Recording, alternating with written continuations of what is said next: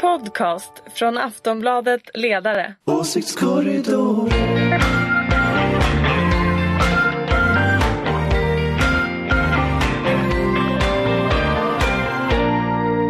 Hej och välkomna till Åsiktskorridoren. Eh, vi spelade in ett avsnitt förra veckan men det försvann. Eh, vi gick väldigt noga igenom EU-valet parti för parti. Det var ett jättebra avsnitt, vi var väldigt, väldigt nöjda. Men på grund av ett litet missöde så blev det ingenting vi fick lyssna på. Så vi blev istället bara fyra personer som fick sitta i ett pyttelitet rum och prata om EU-valet. Så det var Mm, och jag hade jätteroliga 031 humorgrejer. drog många fina skämt. Vi kan bara beklaga det här. Vi ska 031 försöka... är för en yngre generation Göteborgshumor. Ja, precis. Precis. riktnummer Ett riktnummer som man Till en säger. stad som hette Göteborg. Eh, vi ska försöka hämta hem lite den här veckan. Eh, med oss för att göra det har vi Ulrika Schenström. Hej hopp! Hon är moderat. Vi Yes. har från Aftonbladets ledarredaktion har vi Jonna Sima Det stämmer. och Dan Svedin. Ja. Ja, jag heter Anna Andersson. Eh, det har gått nu alltså åtta dagar sedan vi gick och röstade och med lite distans. Vad tar ni med er från det här resultatet som vi fick? Vi börjar nog att prata om hur vi röstade i Sverige. Eh, Ulrika, vad är ditt liksom bestående intryck? Lars Adaktusson. Lars Adaktusson Det tar är du det med som dig. jag får på Alltså att man kan ju vara så förhandstippad att det går så bra och sen hör och häpna så kommer en politisk fråga och totalt smäller igen dörren för en framgång och faktiskt hjälper Moderaterna som inte gick bra alls i början på kampanjen men som fick tillbaka en massa väljare. Troligen kvinnor som hade tänkt att rösta på, Annie, eh, på, på, På. Ebba, ja. Så blev det inte så. Nej. Eh, Jonna, vad säger du? Ja, det var en intressant vändning för framgångssagan KD som har pågått sedan valet får man ändå säga, höstas. Eh, och eh, Lars Adaktusson, det känns ju som att hur ska han komma tillbaka? Han slåss ju fortfarande lite med näbbar och klor i senast i går söndags efter Peter Wolodarski skrev en stor krönika där han var väldigt kritisk till Lars Adaktusson och menade att hur skulle journalisten Adaktusson ha reagerat på det här beteendet som han uppvisar som politiker? Eh, Så det blir spännande att följa. Mm. Sen eh, tar jag väl med mig att Sverige gick lite på tvärs mot trenden i. EU överlag. För vi såg ju de här traditionella stora vänster-höger-partierna kollapsa i land efter land. Men i Sverige så behöll ju ändå Socialdemokraterna och Moderaterna sina mandat. Och i övriga Europa också den här trenden med gröna och liberaler som Precis. gick framåt. Och det gjorde Och det de gjorde i de, de backade i Sverige. Så att, eh, det är lite Men intressant. inte att, säkert på att det hade blivit så om inte Lars Adaktusson hade gjort Ja, inte för Moderaterna i tjugo- alla fall. Nej, Nej. Om vi om struntar i Moderaterna men alltså i blockhänseende så är inte jag så säker på hela vägen kanske. Nej, eh, det var nog en viktig fråga för alla, alltså just att abortfrågan blåste upp. Den blåste ju faktiskt upp strax före riksdagsvalet i höstas också och blev en black om foten för SD den gången. Så att, Ja, eh, det är intressant har hur den eh, Ja, mm. är det, det viktig är för svenska en folket. Mm. eh, viktig fråga på riktigt för många. Eh, Daniel, vad säger du? Nej, men Kristdemokraternas vad ska man säga, lite platta fall är ju egentligen det mest intressanta. Också på grund av att det har liksom fortsatt in, det har ju kommit mätningar nu som visar riksdagsvalsympatierna. Att det också där, eh, Initio hade en mätning förra veckan, det KD backar även där. Man, har ju liksom, man pratar ju ofta om att riksdagsvalet och, och EU-valet är två olika frågor och därför så spelar det inte så stor roll. Men den här liksom, och nu är ju Lars Adaktusson riksdagsman, eh, har varit Det var EU-parlamentariker. förra mandatperioden. Precis, så att, eh, att den, här, den här saken, om man ska säga, skandalen för Kristdemokraterna drar liksom vidare och blir ett problem även för deras stöd när det gäller ja, hur man sympatiserar i de nationella Vidare, parlamenten. mm. Och att hans krishantering, i huvudsak på Twitter, där han håller på och bråkar med journalisten som gjorde avslöjandet, eh, att det liksom, ja, men han gräver sig djupare och djupare ner i den här skithögen som han har ställt. Och, och det där eh, har vi ju konstaterat tidigare att eh, ibland blir det lite uppblåsta siffror åt det ena eller andra hållet. Alltså det kan vara också underblå eller nedblåst så att säga. Eh, och jag tror att jag myntade någonting i den här eh, berömda raderade podden. eh, så sa jag ju att eh, det är ungefär som en riktig viktminskning. Eh, om man går ner väldigt sakta under en lång tid så har man lättare att eh, sväva ut och ändå inte gå upp i vikt. Lite grann tror jag också att att öka i, i opinionen är ungefär samma sak. Om man då tittar på, på Centerpartiet. Jag har inte riktigt helt koll på exakt vilket flöde det är men jag, om, du om ni tittar på hur siffrorna ser ut så är det ju hela tiden ett 0,2, 0,3 stilla, Sakta, 0,2. sakta. De biter sig ju upp i opinionen hela tiden. Och Till skillnad från 10,8 KD som kanske. blåste upp väldigt snabbt. Och händer då en sån där Lars Adaktusson sak, ja då försvinner de väljarna tillbaka därifrån de kom. Medan jag tror att Centerpartiet stadigt går uppåt kanske på ett annat sätt. Sen är det intressant också med EU-valet att det känns mer persondrivet än riksdagsval. Alltså en sån som eh, Fredrik Federley är ju en omvittnat duktig debattör. Eh, han var ju med överallt och han är nog en sån som faktiskt lockar väljare lite från överallt också. Sara Skyttedal till exempel från Kristdemokraterna, hon är en mer polariserande person. Eh, jag tror till och med, ah, om man jämför med till exempel Ebba Busch Thor, som har mer den här um, gladast vinner-utstrålningen som man har pratat om. Som, som en motpol till Ulf Kristerssons lite buttrare miner. Men Sara Skyttedal är ju också eh, en mer, eh, ja, men just polariserande person, så jag tror inte hon kanske var Kamp hela tiden henne. den vinnande figuren som Lars Adaktusson faktiskt var för om förra valet. Det, det tycker jag är lite intressant med det här valet. Jag bara, alltså att det inte fanns någon riktig kryssraket. Att Nej, Thomas Tobé var väl den som fick flest röster och det är liksom grattis till honom. Men att det inte Han var fanns... ändå toppnamnet Precis, men det, finns, Mm. det fanns liksom ingen kandidat som gick förbi eh, på något tydligt sätt hur man var placerad Ja, sina ingen partier. blev liksom Men jag- uppkryssad. Men ingen Marit. Paulsen överhuvudtaget. Ja, eller Men- Anna men jag- Hed, som sossarnas gamla nej till EU, eller nej till EMU-röst som stod på baksidan av listan i det första valet hon kom in och liksom kryssade sig förbi till 30 platser. Det är ju sensationellt. Något sånt ser man ju inte alls. Men, men det givet valet. det som händer kring alltså själva abortfrågan så kan man också säga det att eh, Thomas Tobé gjorde ju ändå hyfsat ifrån sig i de debatter där han var, tycker jag, riktigt duktig och eh, balanserad och försökte att eh, prata om det han själv ville göra och inte vad alla andra höll på med Nej. i rummet. Både han och Fritzson tycker jag växte på slutet, att de Ja. hittade sina roller väldigt Ja, och tydligt. det tror jag liksom. gjorde att när den här eh, abortgrejen kom så ja, hade han inte framstått Folk som var inte så, svårövertalade kanske. Exakt. Moderaterna Men- köpte ju dessutom Facebook-annonser eh, mot liksom, borgerliga väljare där det stod att så här, vi står upp för aborträtten. Så att de eh, försökte ju hacka ur KD. Jag vill ändå säga, för alla ni har nu pratat om så här, liksom, så här KDs platta fall, jag vill ändå påminna om att KD gjorde sitt Ja. bästa EU-val någonsin, fick 8,5 procent av rösterna. Även SD gick framåt jämfört med förra EU-valet, inte jämfört med riksdagsvalet, men EU-valet. Nu ska vi se. Eh, Sverigedemokraterna fick 15,3 procent. Hur mycket är psykologi i det här när man ska analysera ett valresultat? För Men det är ju på pappret framgångar. Absolut, men det var ju att i opinionen, eh, opinionsundersökningen innan så hade KD haft tvåsiffriga. Kunde med att de hade tecknat in liksom för mycket? Ja, eller vi alla hade väl det, att trott att det här skulle bli sensationellt. Vi hade bestämt att det var storyn, liksom, Ja. att KD kommer göra sitt bästa val någonsin, vilket de ändå Jo, gjorde. men det gjorde de, det är det jag alltså säger. att- Ja. att- Och att då de vill jag bara påminna- Kanske till och med större än Moderaterna. Ja, det var ju det. alla om hur många gånger har vi i den här podden sagt följande. Lita inte på siffrorna i opinionsmätningar. Det tycker jag man ska. Och det tror jag är kanske kontentan av det. Vi var alla säkra på att de skulle gå uppåt. Det gjorde de också. Mm. Eh, men vi hade inte räknat med att Lars Adaktusson hade röstat som han gjorde 22 gånger.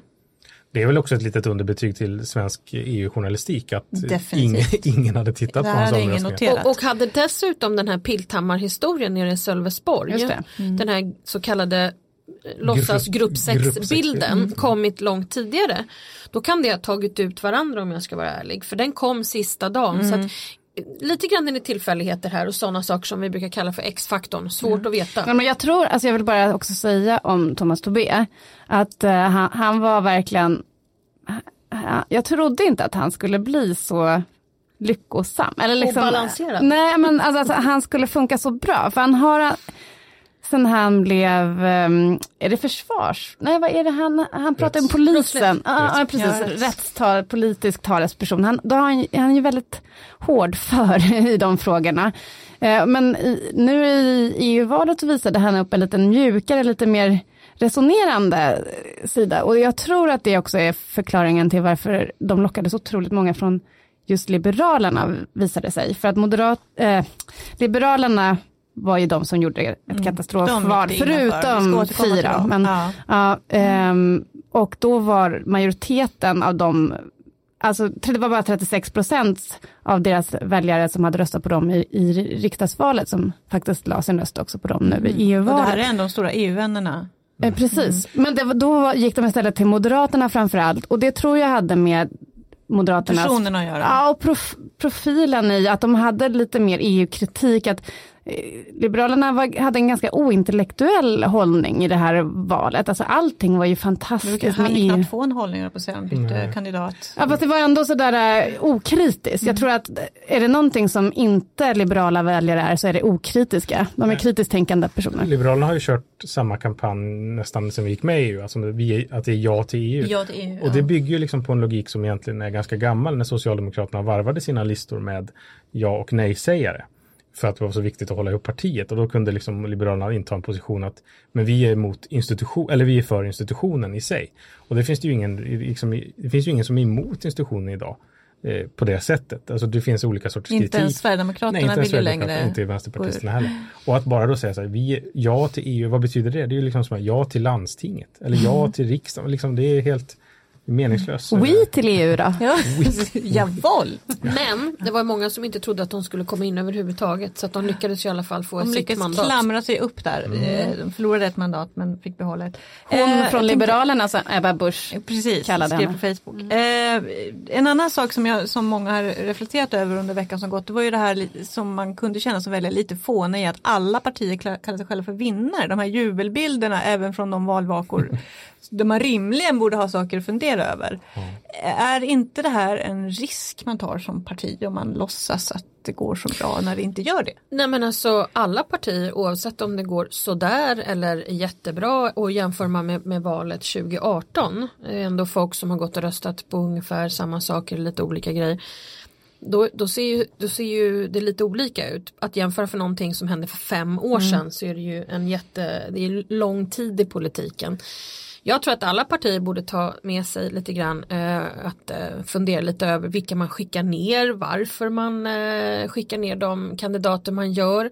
Tittar man på andra länder så är det många som sätter coming eh, eh, ledamöter från riksdag och, regioner och kommuner och landsting som kan lära sig någonting i Bryssel och ta med sig en ny internationell europeisk nätverk och inte bara sätta, nu, nu säger jag, jag säger inte att alla på de här listorna är det. Men i stor utsträckning så har vi ju inte satt dit människor som är coming utan som är på något sätt i Passing. slutet. Ja. Och nu menar jag verkligen inte att alla är det men, men det finns en trend i att man sätter dit människor på väg ut på något sätt. Va? De har varit partisekreterare, de har varit stats, eh, statsråd, de har varit en massa saker och inte kommer att bli. Och då skaffa sig jättebra nätverk i Europa och politiska kontakter. Men om vi bara går tillbaka till frågan, att, att alla utsåg sig i princip till vinnare. Det, det blir ju löjeväckande och det var ju lite samma tendens Ja, i man, man tyckte nästan riksdagsvalet. lite synd om dem tänkte jag, som man var som Ja, vanlig tv-tittare. Man bara, men gud, ska ni sitta ner där och låtsas vara glada? Det här är ju ett skitresultat. Precis, fast, ja, men, därför var det ju befriande med ehm, Sjöstedt var det va? Ja, Eller, Fi ja. tänker jag. Ja, Fi, men nu ja. jag, står det helt still. Soraya Post. Soraya Post, jag kommer inte ihåg det sist Det vi tog pratade en om henne. vecka. Så. Ja, Soraya Post, givetvis. Eh, ja, men hon var ändå befriande besviken och ledsen. Ja. Eh, och med all rätt för att det var ju ett Ja, uselt även Jonas. Sjöstedt andades väl lite kritik att de hade inte så mycket att vara glada Det Ja. gjorde en bra valrörelse men Ja. Malin lyfte inte Björk-affären, det var väl SVTs, men kanske också Aftonbladets hårda linje på ledarsidan som sänkte, de tyckte han där. Ehm, mm. Sen är det väl lite skillnad på, alltså det är klart så här, Miljöpartiet, att de står och jublar, det är klart det var ett jättedåligt valresultat jämfört med eh, det förra. Men de gick in i valrörelsen med att ha 4% ungefär av liksom väljarstödet. Så det är klart att de kan Så jubla. lite grann kan man Precis. välja Men- sin referenspunkt. Precis, men att som Socialdemokraterna gör sitt, liksom, återigen, det, sedan 2006 har de bara gjort sina sämsta val sedan demokratins genomförande. Att återigen liksom göra det och stå och jubla, det är ju periodiskt. Eh, och eh, det får man väl säga om. Och det, och det, det är också liksom med, med Kristdemokraterna, att de kan såklart vara glada, men alla hade intecknat att de skulle få tvåsiffrigt. Men, men är det inte lite som så här, nu finns det ju inga sportintresserade människor i den här panelen, så det, den här analogin kommer väl falla platt i marken. Men efter även en dålig match så måste det, liksom, tränaren gå och säga något uppmuntrande, liksom, stöttande. Alltså, så, är, så är väl eh, Men spelets internt regler på förstår jag, men jag tänker bara att Jo, men det är ju, känna... blir ju internt de signaler man sänder ut. Jag förstår att eh, tre, trenden i hela Europa är ju att till exempel Socialdemokraterna backar något så inåt. Och samma sak för Moderaterna. Och jag förstår ändå att man känner en, om inte glädje så en enorm lättnad. Lättnad. Klarade Och-. Ja, och sen så att man är glad för att faktiskt För att att, men att, att, att eh, valdeltagandet var det högsta i ett EU-val på 20 år och eh, sen är det ju katastrof i Millions of people have lost weight with personalized plans from Noom, like Evan, who can't stand salads and still lost 50 pounds. Salads, generally, for most people, are the easy button, right? For me, that wasn't an option. I never really was a salad guy. That's just not who I am. But Noom worked for me. Get your personalized plan today at Noom.com. Real Noom user compensated to provide their story. In four weeks, the typical Noom user can expect to lose one to two pounds per week. Individual results may vary. Ja, vissa invandrartäta områden till exempel. Där det, det måste ju bli en diskussion också. Precis. Nej men egentligen så, är, jag tänkte på det just det här med 2000, valet 2010 är väl sista gången man har sett att folk har varit ledsna. När Mona Sahlin liksom stod och grät på scenen ihop med Malin Pekgul. Att det är liksom på den- 40 procent eller vad hade de då? ja, ja, 38. 30, ja, 34, Jaha, okej. 31. Ja, 31. 31 Ja, det. det det. Eh, och eh, nej men och det blev så avhånat då, liksom att och nu står de där och gråter och hon står och klappar och liksom eh, det, man kanske inte vill ha den typen av förnedrande bilder på sig själv när man är ledsen. Men jag tror verkligen att det man behöver nog visa också att vi är fan inte nöjda med det här. Nej, och Nej, det, det är tror det jag jag man måste göra också. för att annars så får du ju eh, en organisation som alla hoppar omkring och tror att man har vunnit vilket gör att man inte skärper sig och folk tar selfies utanför valstugor och säger Men jag och så tänker går också de just att man Det- som det liksom väljare inte- kan reagera, att de verkar ju helt Ja att jag verklighetsfrånvända. är helt liksom. övertygad om att Ja. väljarna tror att de är galna. Ja, allihopa. alltså det är lite det jag tänker var apropå vad man sänder Ja, ut. Liksom. men du måste ju både sända ut till väljarna men också de här eh, de troende, Mm. de närmaste som springer omkring och kampanjar. Om de tror att det här är enorma framgångar då blir det ju jätteproblematiskt att få de här att tro att de måste lägga ner ett kol till. Mm. Så att eh, Okej, vi, vi eh, ska titta ut lite grann i övriga Europa hur det gick, lite svepande sådär. Det är väl lite spretiga resultat. Som du var inne på eh, Jonna så, så det gick ju väldigt illa för många gånger för liksom, de här gamla statsbärande partierna, konservativa socialdemokrater med några undantag. Sossarna gjorde bra i Holland och Spanien va? Mm. Gjorde de bra. Ja, i Danmark också. Och i. Danmark, Mm. eh, där också, Danmark var ett undantag på annat sätt för högernationalister gick ju fram på många håll men i Danmark så kollapsade ju faktiskt ens Folkeparti. Mm. I Finland gick sossarna också framåt. Mm, lite grann. Mm, lite grann.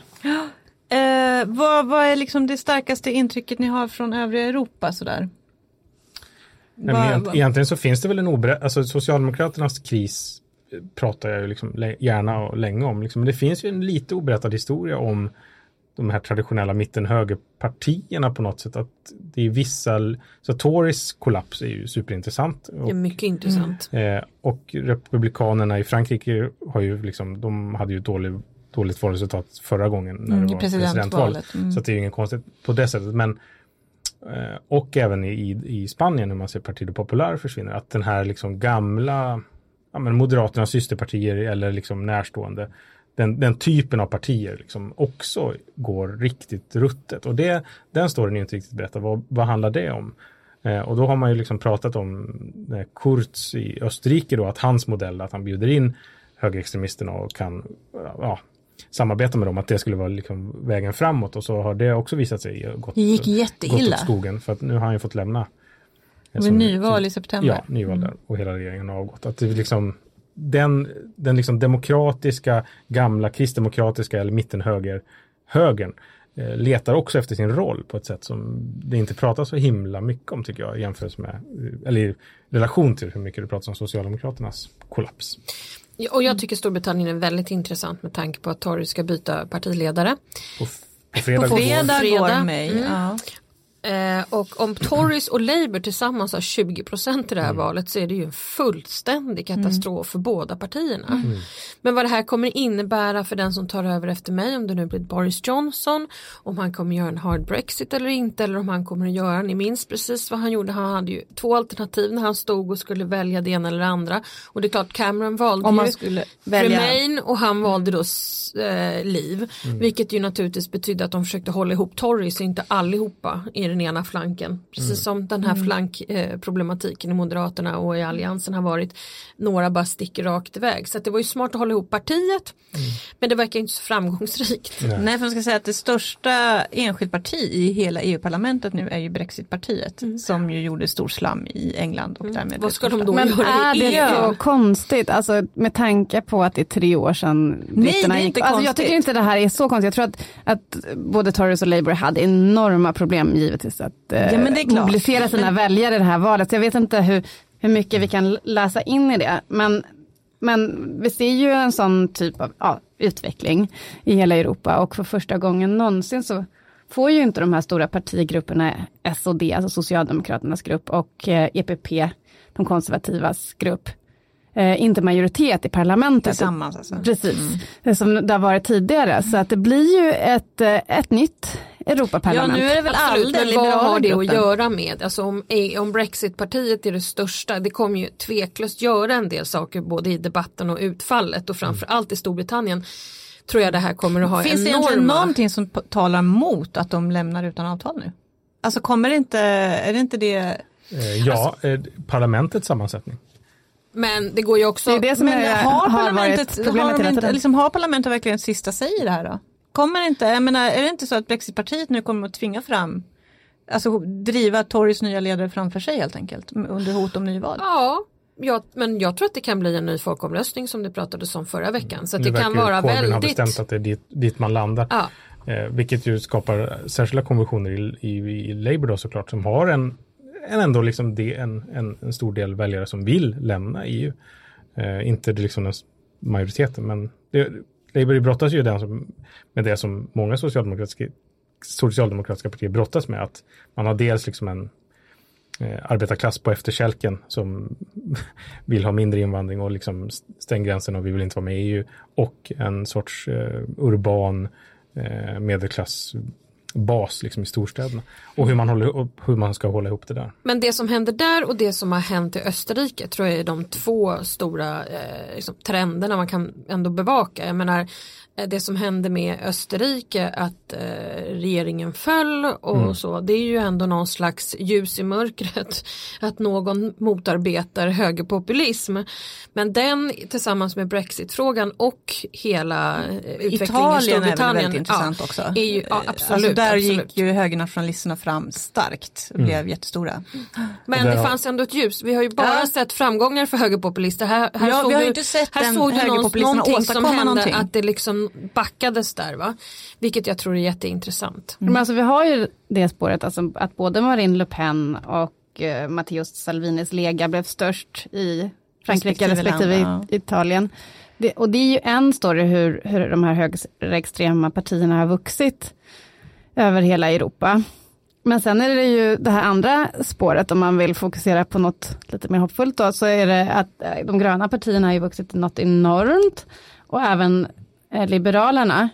Och de gröna, förutom i Sverige då, så pratar de ju faktiskt om Greta Thunberg-effekten. Det är ju något som vi, vi kan ju nästan inte förstå här hemma, hur stor hon är. Uh, ja, hon hamnar på fått omslaget av... brev från Dalai. Lama också. Ja, Ja, visst, klart. och det är liksom påven och det är Barack Ja, det är Obama. på den nivån. Ja, men, och, och att man påverkar faktiskt världens största val i princip. Och det, Ja. det, det är väl liksom verkligen det som, som ligger i pipeline, eller det som kommer. Det nya politiska läget, där liksom de gamla kristdemokratiska partierna borta, Socialdemokraterna borta. Så har vi fascister och någon sorts grönliberaler på elskotrar som Och, och, och några goda människor i Österrike Precis. som håller på att motarbeta Som- högerpopulister. Precis. Ja, vi, eh, det Österrike flera- var inte ens nämnt, det är ju jätteintressant. Ja men vi också. var inne Det var ju det jag Jo sa, det har vi jag sagt fyra gånger nu. Jo, vi har Ja, ja, men- men vill att han fick säga- gå vi efter ska- det vi sa ju. Jag sa du det? Ja. Jaha, och Vi Fyra ska, gånger. vi ska snart eh, backa hem till Sverige. Jag ska bara säga att två omedelbara effekter har ju också varit att tyska socialdemokraternas Andrea Nahler har avgått och att de har utlyst nyval i Grekland. För att eh, Syriza gjorde så dåligt resultat. Så det är liksom direkta effekter. Det, det kan man ju säga, liksom, ytterkantsvänstern eller man ska säga, den liksom vänstern till vänster om Socialdemokraterna, gjorde ju ett jättedåligt val över hela Europa. Det, de hade ju liksom ingen... De är, ja roligt. Precis. Nu, nu ska vi hem till svenska liberaler därför att eh, de gjorde ju ett riktigt dåligt val, kan vi säga 4,1 procent. Man följde eh, omräkningen förra veckan så var de nere på 3,85 när jag Vilket gjorde att de tittade. alltså kom in. Ja men precis, till slut kom de in i alla fall, de fick sitt mandat. Hur påverkar det här eh, partiledarstriden som vi ju nu närmar oss? Vi vet nu att det är Nyamko Sabuni, eh, Erik Ullenhag och Johan Persson. Deras turné i landet börjar ikväll.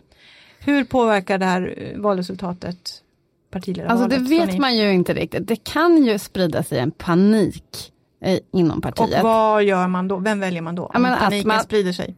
Om paniken sprider sig tror jag att det blir Nyamko Sabuni. För då tänker man att man måste ha någon mer karismatisk person som eh, är en, ja, som väcker känslor och går igenom rutan och sådär. Eh, någon som är, är lite Med lite mer... drag under galoscherna. Ja, drag verkligen. Men annars är ju Erik Ullenhag given och han har väl... Är han det? Ja, det skulle... Det... Jag skulle nog säga att Är han skulle ju. inte ens ställa upp om han inte redan hade räknat hem till 51. Så är det så? Nej, det är Jag jag tror ganska det. säker på. okej. Dessutom minns ni före val, eh, alltså före eh, regeringsbildningen så kommer ni ihåg att vissa Vissa medier eh, rapporterade om att, eh, Det var- att, det var att, att liberal, Liberalernas eh, riksdagsgrupp skulle rösta med Moderaternas eh, Ja, inför januariöverenskommelsen. Ja, och Mm. så, va? Eh, och det visade sig vara försvinnande få i den där riksdagsgruppen som var på den sidan och det är samma sida som Nyamko-gänget är. Vilket gör att jag tror inte att Ullenhag efter vad han har gjort nu har varit eh, eh, ambassadör och så vidare, han skulle inte ställa upp och sen förlora. Det tror jag absolut inte att han skulle någonsin riskera. Det var därför det tog så lång tid innan han kom ut och sa. Han så han har väl hämtat hem. Stockholmsdistrikten, han vet väl att det kommer att Det, bli så här. det var en, en debattartikel här i Aftonbladet förra veckan. 86 eh, folkpartister, förlåt liberaler, gick ut i Ullenhags Och idag hade Nyamko Sabuni runt 30 kanske. 27. Ja, 27. Ja, det var ju inte någonting i Jaha. jämförelse med. så att det, det kommer nog ändå bli Erik Ullenhag om det nu inte är så att de råkar ut för någon sån här Lars Adaktusson story där det visar sig att eh, han, har- har han har röstat, röstat fel någonstans. Jag lägger nu in den brasklappen ja. eftersom X-faktorn ändå Någon- finns. någon, Men så som det eh, ser ut skandal. precis just nu klockan 10 minuter i två den 3 juni så skulle jag säga eh, Erik Ullenhag. Du tror, eh, Daniel? Eh, nej men jag tror, apropå det här med paniken, jag tror absolut att de, de hade nog räknat med att och, liksom, skulle de bli kvar i Europaparlamentet så skulle de få ett mandat och det klarar de. De är lite så här som sossarna, vi blev största parti och de sa ja, vi blev minsta parti men blev ändå kvar. Det finns liksom paniken tror jag inte har blivit, hade varit mycket värre. Den hejdades där. Om Jan liksom. Björklund hade lett ut partiet ur Europaparlamentet så hade man ju så här, hela självbilden skulle behöva revideras och då hade man kunnat valt en, en räv till partiledare eller vad som helst. Eh, bara för att göra någonting. Så nu, nu känns det väl mer, ja, det är business as usual. back on Och, track. precis, och Ullenhag är bound for glory. Ja, och han, han är inte så karismatisk, men han, det, ja, han, man pratar ju om att han är den här kronprinsen som har bara odlats under Jag tycker det åren. känns så olycksbådande att vara Men så han, nej, inte kronprinsen utan hans familj är ju adel. Så att jag menar du vet familjen Ullenhag i, i ett litet parti som, som eh, Folkpartiet det är ju så. Det enda Nej, men förlåt, motvikten Liberalerna. till Tänk det att där kollektivet på det. Lidingö. Nej, men jag tror också att, Exakt. att även, om, även om han anses vara tråkig så kan det partiet behöva lite stabilitet. För att det kanske man inte tror om Jan Björklund, men han har ju varit någon eh, person som ändå skjuter från höften lite väl ofta och särskilt nu inför EU-valet, plö- plötsligt blev det ju kaos. Man förstår inte liksom hur, fanns det ingen med en hjärna i det partiet? Alltså, Nu är du hård Ja, Johan. nej, men jag begriper faktiskt inte hur de betedde sig. Alltså dels att de petade Cecilia Wikström så plötsligt av mars, i ja. slutet inför valet. Att han annonserar sin eh, avgång inf- strax inför valet som gör att de känns ledarlösa. Ehm, och sen var det en... Turnera med Åkesson. Ja, men turnera med. Åkesson. Vad men- hände med det? men jag Det tänkte också på hur de eh, ställde sig i Strandhäll-frågan. Att då plötsligt så tyckte de att det var okej att liera sig med Moderaterna och SD. Alltså det, det, det sände så konstiga signaler så man förstod liksom, vad har de för linje? De är helt, är de helt lost? Men liksom Jan Björklund är ju en maktpolitiker internt. Han är ju en person som tar bort dem internt som inte passar eh, i hans maktstruktur. Det är ju därför han har kunnat vara partiledare så otroligt länge. Men därför han gjorde sig av med Birgitta Olsson, hela vänsterflanken som numera inte finns kvar där och det är ju därför de har Var då finns 4, de? Hos Annie Lööf eller? En del har säkert gått till Annie Lööf, en del kan ha gått till Miljöpartiet, de kan ha gått precis liksom åt, åt, åt det, gamla socialdemokrater, I don't know, men de är i alla fall inte kvar där. Men han har ju behållit greppet om partiet på grund av att han gjort sig av med människor som Men jag inte tror det- jag tror- hans som är kvar. Jag tror din Precis analys så. är helt rätt, men jag tror att, att han den strategin långsiktigt har varit väldigt förödande för partiet. Absolut, det ser man har vi tappat, och därför tror jag, det här är utan att kunna Liberalerna på samma sätt som jag kan vissa andra partier. Men eh, om jag, då skulle jag kunna tänka mig att, eh, ja, nu ger de ut sig ut på den här turnén och så vidare, men det blir Erik Ullenhag. Men att faktiskt Nyamko Sabuni ska erbjudas en fin position, kanske som Maria Arnholms efterträdare som partisekreterare. Men vill hon vara partisekreterare? Ja, men alltså någonting så att man håller sina eh, vänner nära med eh, oh, vad säger, jag, fienderna ännu närmare. Ja, men jag, också Jag skulle att- snarare ju- säga att hon, han borde hämta hem eh, Birgitta Olsson. Och det tror jag Erik Ullenhag har lättare att göra än Jan Björklund. Jo men absolut, men de tillhör ju samma flank. Jag tänker mer om man ska Precis. försöka löda ihop det här lite sargade partiet. Det var ju Nyamko Sabunis starkaste när hon på sin presskonferens eh, berättade att hon vill bli partiledare så var det så här, "Ja, när jag var, när jag var minister så hade vi massa olika namn som var ute i tv hela tiden. Det var jag, Lars Leijonborg och Johan Persson och alla möjliga. Men nu är det bara Jan Björklund. Så hennes signal internt var ju bara så här, ni ska få jobb Ja. och ni ska få visa Precis er. och det var ju verkligen så. Ja. Er, or, er time to shine. Eh, nästa vecka den 9 juni gör Jan Björklund sin sista debatt som partiledare. Den 28 juni ska Liberalerna välja sin nya ledare. Vi återkommer i ämnet. Men vi säger tack för den här gången. Ulrika Schenström, Jonna Sima, Daniel Svedin. Eh, ha en fin vecka. Vi hörs hej! Hej.